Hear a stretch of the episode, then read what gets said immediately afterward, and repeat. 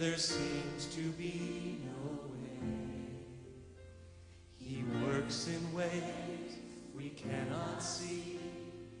He will make a way for me. He will be my. Hold me closely to his side. With love and strength for each new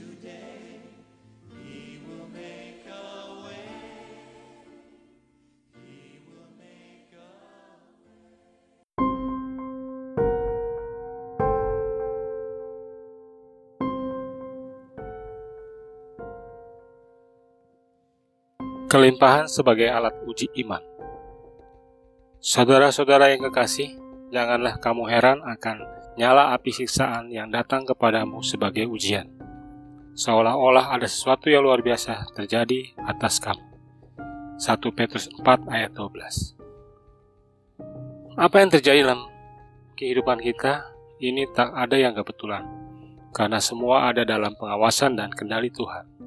Terkadang Tuhan mengizinkan suatu peristiwa terjadi dalam hidup orang percaya sebagai perwujudan dari kasihnya, perhatiannya, dan kepedulian. Jadi Tuhan mengerjakan segala sesuatu dalam hidup kita ini bukan tanpa suatu maksud, tapi selalu ada rencananya, yang salah satunya adalah hendak mengukur dan menguji kualitas iman kita.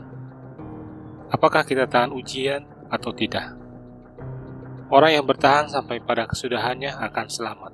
Matius 10 ayat 22. Iman seseorang tak akan teruji kualitasnya tanpa melewati ujian.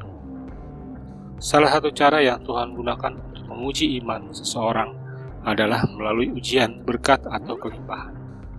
Lukas 12 ayat 13 sampai 21. Ketika orang hidup dalam kelimpahan, keberkatan atau berlimpah harta, hatinya cenderung berpaut kepada harta yang ia miliki daripada kepada Tuhan. Ia tidak lagi menyandarkan hidup kepada Tuhan, tapi kepada hartanya. Tuhan tidak lagi diprioritaskan, karena di mana hartamu berada, di situ juga hatimu berada. Matius 6 ayat 21 Karena merasa punya segala-galanya, mereka tidak lagi membutuhkan Tuhan. Dengan kata lain, Tuhan tidak lagi menjadi prioritas dalam hidupnya. Rasul Paulus berpesan kepada Timotius Peringatkanlah kepada orang-orang kaya di dunia ini agar mereka jangan tinggi hati dan jangan berharap pada sesuatu yang tak tentu seperti kekayaan, melainkan pada Allah yang dalam kekayaannya memberikan kepada kita segala sesuatu untuk dinikmati. 1 Timotius 6 ayat 17 Justru dalam keadaan sentosa atau hidup dalam kelimpahan, kita harus mengasihi Tuhan lebih sungguh. Karena kita tahu bahwa semua yang kita miliki itu berasal dari Tuhan. Tuhan adalah pemilik segalanya, dan kita ini hanya dipercaya untuk mengelola berkat itu. Jangan malah melupakan Tuhan dan meninggalkan Dia.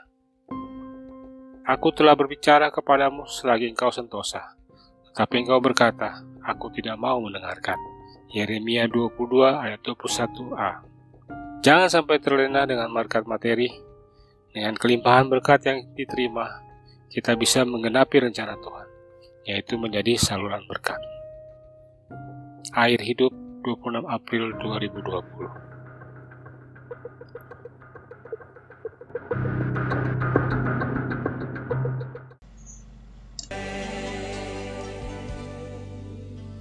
with love and strength for each new day.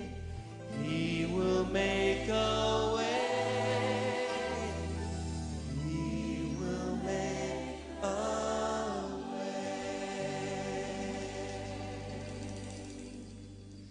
you, God. Do it, Lord, right now. Make a way, God. For those of you feeling hopeless, there's hope. Make a roadway in the wilderness, Father, tonight. Make a river in the desert. Hallelujah. Thank you, Lord God. With love and strength for each new